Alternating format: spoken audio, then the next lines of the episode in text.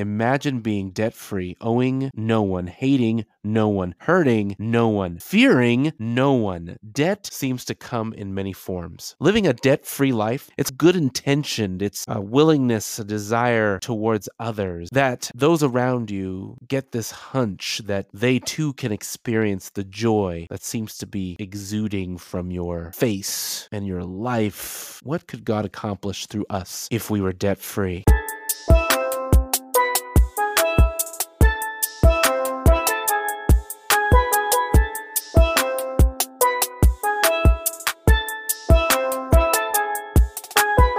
So I preached last Sabbath. The message simply stated that everything belongs to God. God is the owner. And before my sermon, I was sitting up there on the platform, and Robin, the pianist at the time for the praise group, was speaking in between songs. And she mentioned something that related strongly to the message and spoke deeply to my heart. There are things that we need to surrender to Him. God is the owner of the world and all who live in it, and that includes my heart. Sometimes there are idols living there. The standard stone relic are pocket sized and fit neatly out of sight. They are usually things we desire or like. They are of our own design. There is a verse that talks about where idols originate in our hearts. Then we craft them and place them in our view so that we may admire and adore them. Check out this relic. It walks and talks like Teddy Ruxpin. It's bigger and even uglier. Teddy Ruxpin is an animatronic children's toy in the form of a talking Illiop which looks like a bear. Created in 1985, the creature's mouth and eyes move while reading stories played on an audio tape cassette deck built into its back. Teddy Ruxpin does not walk. Hi, my name is Teddy Ruxpin. Can you and I be friends? Yeah. I really enjoy talking to people. I would like, I would like, I would like, I would like, I would like.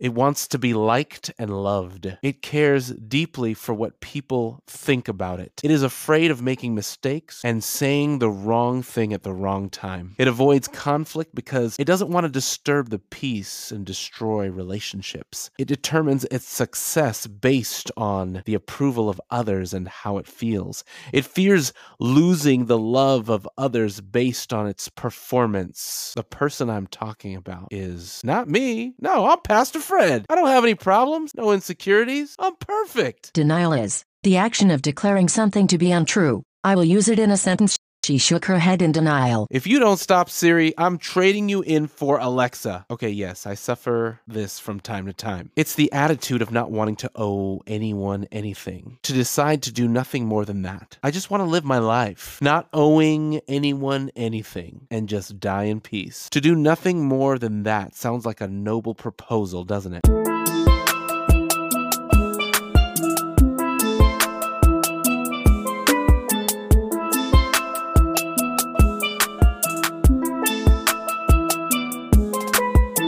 What I'm saying is that I see what the world is all about always taking, never caring, loveless, and I've seen enough to know I need not be surprised. So you take what's yours and I'll take what's mine. You stay in your lane and I will stay in mine. Just leave me alone. People are just too messy. People are fed up and tired. Love has no reward. It is foolish and self sacrificing for the cause of the ungrateful, like a rose trampled on the ground. So, what does that have to do with debt?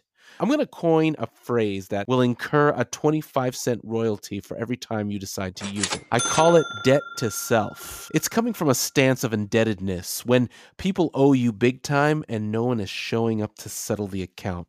So you close the account and build interest. The interest I'm talking about, it's a self-interest, a self-preservation, the interests of self. Are you in debt to self? Imagine this third party lowercase god standing standing between you and the one true God, basing his love on your performance, on how you feel, on fear, on relationship with God that includes no one else but you and God, and is only other oriented when it's within reason. Preach, Pastor Fred, preach. Don't encourage me. I programmed you to say that. I want to experience the fullness of God. Ephesians chapter 3 shows me how the Trinity, being rooted in Christ and grounded in love can exist in the biosphere of our hearts. Here's the verse That he would grant you, according to the riches of his glory, to be strengthened with power through his Spirit in the inner man, so that Christ may dwell in your hearts through faith, and that you, being rooted and grounded in love, may be able to comprehend with all the saints what is the breadth and length and height and depth, and to know the love of Christ which surpasses knowledge,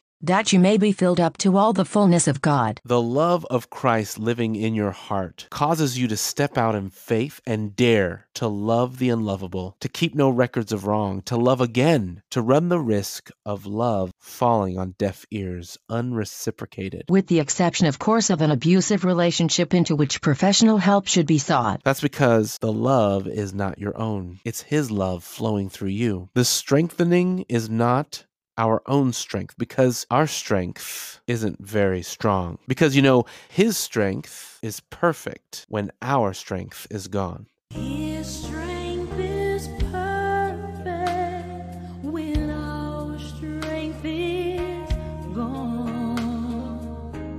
From God the Father, the Holy Spirit, Christ living in our hearts, the glory of God is the completeness in you and I together as brothers and sisters in Christ, which means that there's going to be disagreements. There's going to be falling out. There's going to be someone's going to say something that hurts someone. But we have to trust that the same God that is alive in you, that spoke to you this morning before you got in the car, is speaking to them as well. And so when we pray for them, we're not praying like a sick puppy patient for the Lord to have mercy on them because of their ignorance and feeble understanding.